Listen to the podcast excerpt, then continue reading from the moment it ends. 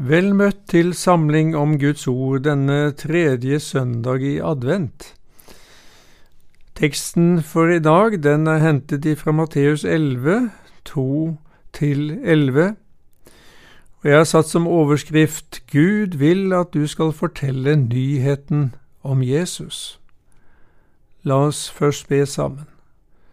Kjære trofaste Frelse, takk for ordet som vi har foran oss og vi ber om at du ved din ånd må åpenbare det for oss. Ved din hellige ånd, i Jesu navn. Amen. Da nå Johannes i fengselet fikk høre om eh, Messias' gjerninger, sendte han bud med disiplene sine og spurte ham, Er du den som skal komme, eller skal vi vente en annen? Og Jesus svarte og sa til dem, Gå og fortell Johannes hva dere hører og ser. Blinde ser, og lamme går omkring. Spedalske blir renset, og døve hører. Døde står opp, og evangeliet forkynnes for fattige. Og salig er den som ikke tar anstøt av meg. Da disse var gått bort, begynte Jesus å tale til folket om Johannes. Hva gikk dere ut i ørkenen for å se? Et siv som svaier i vinden? Eller hva gikk dere ut for å se? En mann kledd i fine klær? Se, de som bærer fine klær, er i kongenes hus. Men hva gikk dere da ut for å se? En profet? Ja, jeg sier dere endog mer enn en profet. Det er om ham dette er skrevet, Se, jeg sender min budbærer foran deg, han skal rydde din vei for deg. Sannelig sier jeg dere, noen større enn døperen Johannes er ikke reist opp blant dem som er født av kvinner. Men den minste i himlenes rike er større enn han. Har du noen gang følt deg glemt av Gud? Det er en fryktelig opplevelse når det er Han du har satset hele din trygghet på. Du hadde en barnlig tillit om at Han hadde kontrollen på alt, inntil ulykken rammet. Du hadde et frimodig vitnesbyrd om ham, inntil mørket la seg over ditt indre og tvilen kom. Hvor var du, Gud, da dette skjedde? Ja, hvor er du nå? Kan du ikke komme og ordne opp? Det er vel ingen av oss som har sluppet unna slike spørsmål i kortere eller lengre perioder i livet. Heller ikke David slapp dem. Hvor lenge, Herre, vil du glemme meg for evig? Hvor lenge vil du skjule ditt åsyn for meg? Det kan godt være at døperen Johannes brukte disse klageropene fra Salme 3 der han satt på dødscella i Makerus, øst for Dødehavet. Ifølge den romerske historieskriveren Josefus Flavius var det i denne borgen at Herodes Antipas hadde fengslet Johannes, etter at han kritiserte ekteskapet mellom han og Herodias, kona til broren Herodes Philip. Det er antatt at han satt fengslet der i ca. sju måneder, helt sikkert under meget dårlige forhold, ekstremt varmt i sommerhalvåret, kaldt og rått om vinteren. Men hvor ble det av Jesus, slektningen hans som han trodde var Messias? Hadde han ikke døpt han i Jordan litt lenger nord? Hadde han ikke pekt på han og vitnet Se der Guds lam som bærer verdens synd? Hadde han ikke forkynt frimodig og sterkt Omvend dere, for himlenes rike er kommet nær. Men Jesus har tydeligvis ikke engang tatt seg tid til å besøke Johannes, og han kunne jo bare sagt et ord, så hadde fengselsdørene åpnet seg. Det er ikke vanskelig å forstå at tvilen meldte seg når han hørte om hvordan Jesus hjalp mennesker og gjorde store under bare ved å si noen ord. Hvorfor hjelper han da ikke meg, tenkte nok døperen Johannes.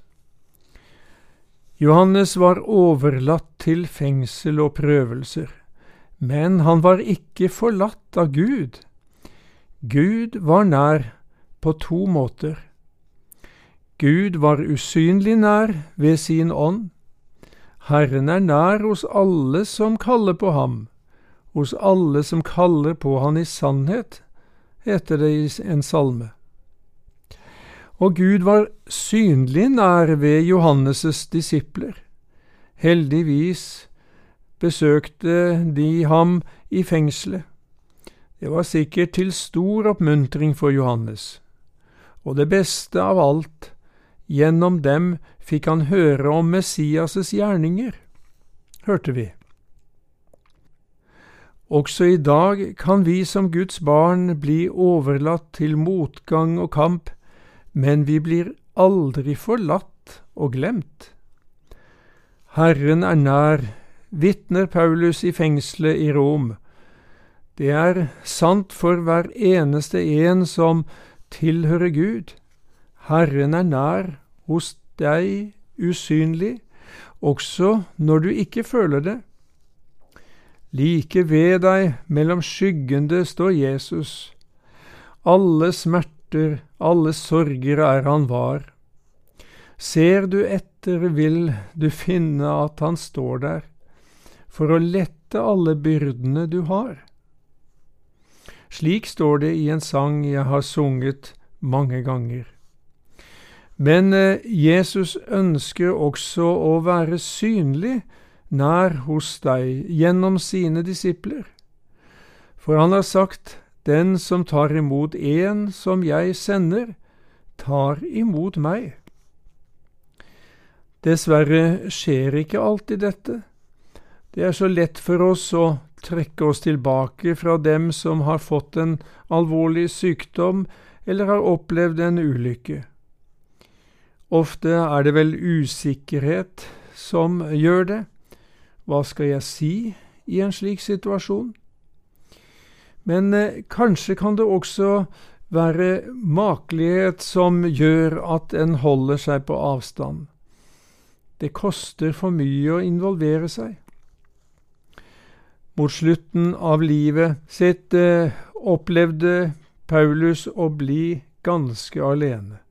Ved mitt første forsvar møtte ingen med meg, sier han men alle forlot meg. Må det ikke bli tilregnet dem? Og i skrivende stund var det bare Lukas som var hos ham. Ser du kallet til å være den usynlige Guds synlige nærvær? Gud vil at du skal forkynne nyheten om Jesus, det glade budskapet om hvem Han er, og hva Han har gjort til frelse for alle mennesker. Han vil at du skal være nær med Hans kjærlighet og trøst i ord og i gjerning. Han vil at du skal hjelpe en kjempende bror og søster til et nytt møte med Jesus, så de får hvile hos Han. Vil du være med på det? Det som eh, førte Johannes eh, fra mørke til lys, var at han henvendte seg til Jesus gjennom noen av disiplene sine. Ifølge Lukas var det to. Dette skjedde etter at han hadde hørt om Messias' gjerninger. Er du den som skal komme, eller skal vi vente en annen? Da kunne Jesus selvsagt svart, Klart jeg er Messias, du kjenner da jo meg, Johannes.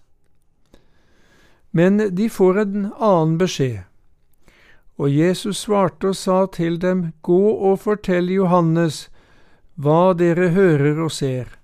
Blinde ser, og lamme går omkring. Spedalske blir renset, og døve hører. Døde står opp, og evangeliet forkynnes for fattige. Og salig er den som ikke tar anstøt av meg. Ja, slik leste vi. De skulle gå tilbake til Johannes med et personlig vitnesbyrd om noe de hadde sett og hørt. Det gjør alltid størst inntrykk når vi kan formidle noe vi selv har opplevd. Det var store ting de var vitne til. Mennesker med store handikap og alvorlig sykdom ble helbredet. Ja, til og med døde vendte tilbake til livet. Og ikke minst, evangeliet ble forkynt for fattige. Hva er det beste budskapet du kan forkynne til en fattig? Jo, det må vel være du er blitt rik. Fullstendig ufortjent og uventet har du fått en uendelig stor rikdom. Kontoen din er overfylt. I åndelig forstand er Jesus denne rikdommen for oss. Han har betalt hele vår ubetalelige syndeskyld ved sin død på korset. Han har lagt til rette for en gigantisk gjeldssanering. Alt slettes ut for den som tar imot ham i tro. I stedet blir du tilregnet Jesu uendelige rikdom, hans frelse og himmelske herlighet. Tilregne betyr å sette på en annens konto. På det menneskelige plan er det stort å oppleve at det kommer inn uventede penger på kontoen. Her er det imidlertid snakk om mye mer enn noen tusener.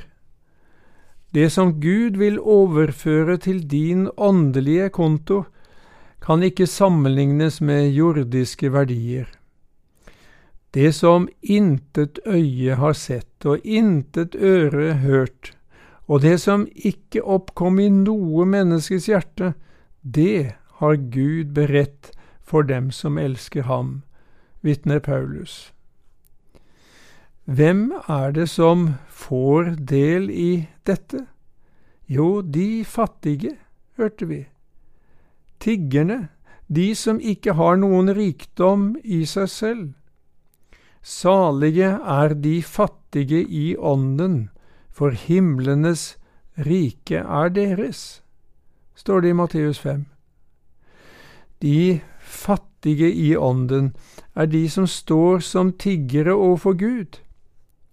Det ser ikke stort ut, og det oppleves ikke alltid eh, behagelig å være i en slik posisjon. Men det er du som er rik, rik i Jesus. Tenk, himlenes rike, Guds rike, tilhører deg. Dette gis oss av bare nåde, for dere kjenner vår Herre Jesu Kristi nåde, at Han for deres skyld ble fattig da Han var rik, for at dere ved Hans fattigdom skulle bli rike. Det er julas budskap i en sum. Tar du imot Jesus i tro, kan du begeistret si, Å, hvor rik jeg er, jeg har Jesus. Jeg for Gud er kjær gjennom Jesus. Jeg har Gud til far, himmel arv jeg har, å, hvor rik jeg er. Men rikdommen i Jesus lå ikke utenpå ham da han var her på jord i fornedrelse. De som henger seg opp i Jesu fornedrelse, ser fortsatt ikke hans himmelske herlighet. Derfor legger Jesus til i budskapet til Johannes, og salig er den som ikke tar anstøt av meg. De fleste i Jesus samtid tok anstøt av ham. De stirret seg blinde på hans skrøpelighet. Slik er det dessverre fortsatt i dag. Ja, når vi er i åndelig mørke, kan også vi som er Guds barn, miste synet av Jesu herlighet og storhet. For dette ser vi bare med troens blikk. Hvor skal vi da vende oss for at troen skal bli sterkere? Samme veien som Jesus viste Johannes til. Men hans disipler skulle jo fortelle hva Jesus gjorde og sa. Ja, men det Jesus gjorde og sa, det samsvarte fullstendig med det som var profetert om Messias, ikke minst hos Jesaja i kapittel 35 og 61. Så da Johannes mottok budskapet fra Jesus via disiplene sine, kunne han bare holde det sammen med profetiene og erkjenne jo, sannelig, det Jesus gjør og sier, stemmer på en prikk med profetiene om Messias. Da må han være Messias. Slik ble Johannes' tro knyttet til Guds ord. Det er en trygg forankring. Jeg har en god nyhet fra Gud til deg i dag. Du som måtte streve med tvil og åndelig mørke, Ordet om Jesus kan fornye troen og tenne lys for deg igjen. Han kan også helbrede sykdom og gripe inn i vanskelige situasjoner i livet ditt, om han ser at det er best for deg. Men hvis ikke, skal du like fullt få stole på at du ikke er glemt av Gud.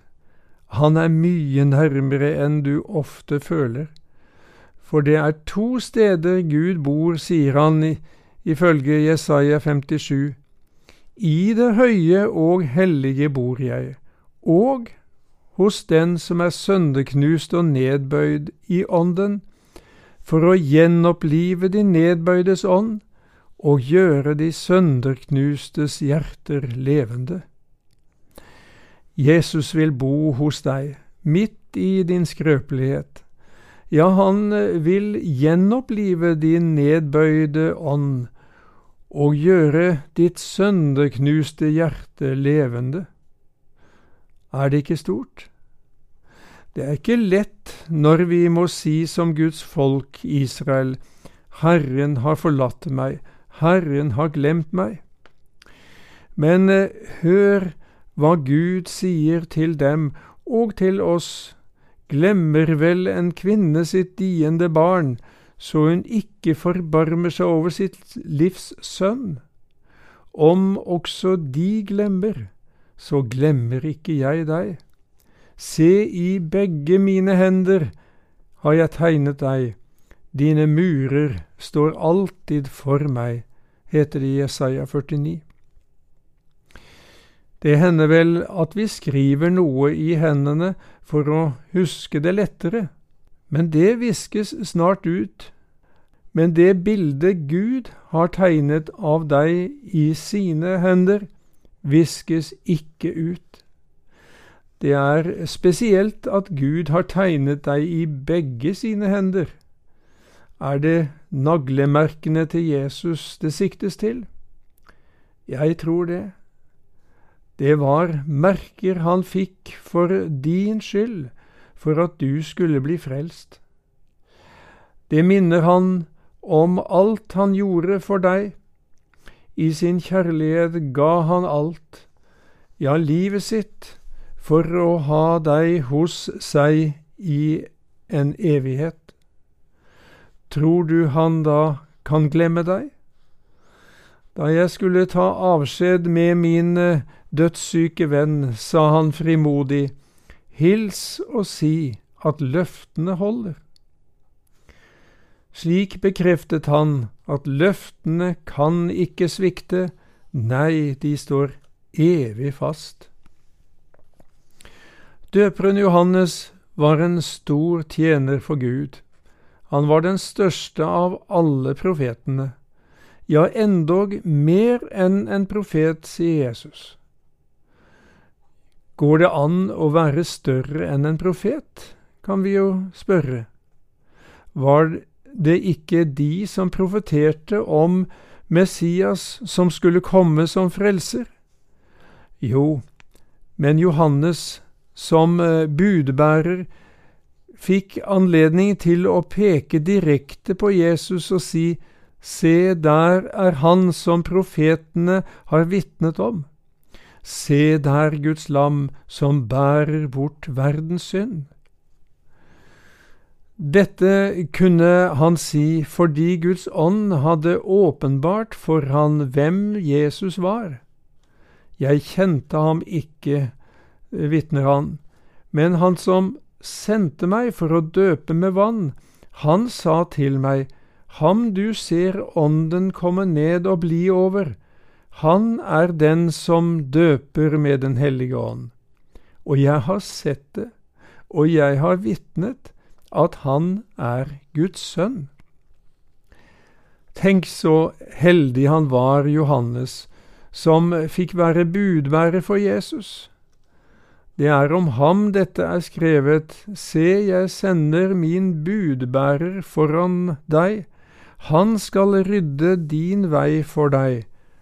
Sannelig sier jeg dere, fortsetter Jesus, noen større enn døperen Johannes er ikke reist opp blant dem som er født av kvinner. Likevel legger Jesus til, men den minste i himlenes rike er større enn han. Så stort er det å være Guds barn i det rike Jesus har gjort tilgjengelig for alle som tar imot ham i tro. Du som tror at Jesus er verdens frelser, ja, din frelser. Du har fått ansvaret for å bringe dette budskapet til andre. Gud vil at du skal være hans budbærer og fortelle nyheten om Jesus. Er det ikke noen du møter i din hverdag som trenger å få en påminnelse om hvorfor vi egentlig feirer jul? Er det ikke noen i Afrika, Asia eller eh, Sør-Amerika som trenger å høre om at det er kommet en til vår jord som kan åpne blindes øyne og døves ører og gi åndelig fattige den virkelige rikdommen? Vil du bringe dem budskapet selv, eller vil du være med og sende noen andre i ditt sted? Kanskje du vet om noen som har det spesielt tungt for tiden, slik som Johannes. Da kan du få være Jesu budbærer til dem og si fra ham, Kom til meg, alle som strever og har tungt å bære, og jeg vil gi dere hvile. Selv om Jesus ikke skulle ta bort alle problemene, går det an å finne hvile hos ham midt i dem. For han har også sagt, Og se, jeg er med dere alle dager inntil verdens ende. Amen.